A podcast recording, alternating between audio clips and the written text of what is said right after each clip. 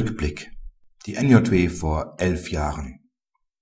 Immer Ärger mit den Staatsexamina. So ungerecht kann das Leben sein. Bei den Absolventen im zweiten juristischen Staatsexamen wird eine Rechtskenntnis vorausgesetzt, die nicht einmal von Richtern erwartet wird.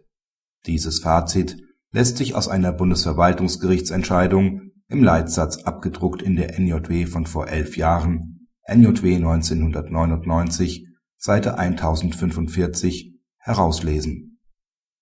Das Bundesverwaltungsgericht hielt es nicht für verfahrensfehlerhaft, dass das Ausgangsgericht im Prüfungsrechtsstreit ein Sachverständigengutachten zur Frage der Rechtmäßigkeit der Bewertung eingeholt hatte.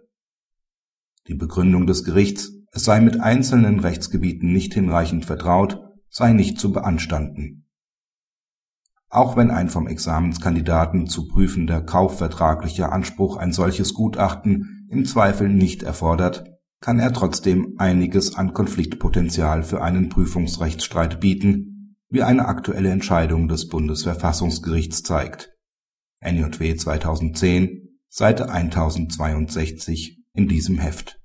Der mit der Note ungenügend bewertete Prüfling hatte im Prozess vorgetragen auch die Prüfung der Laie sei vertretbar gewesen. Im Rahmen der Nichtzulassungsbeschwerde nahm das OVG eine fachwissenschaftliche Würdigung dieses Einwands vor und lehnte diese Subsumption des Klägers ab.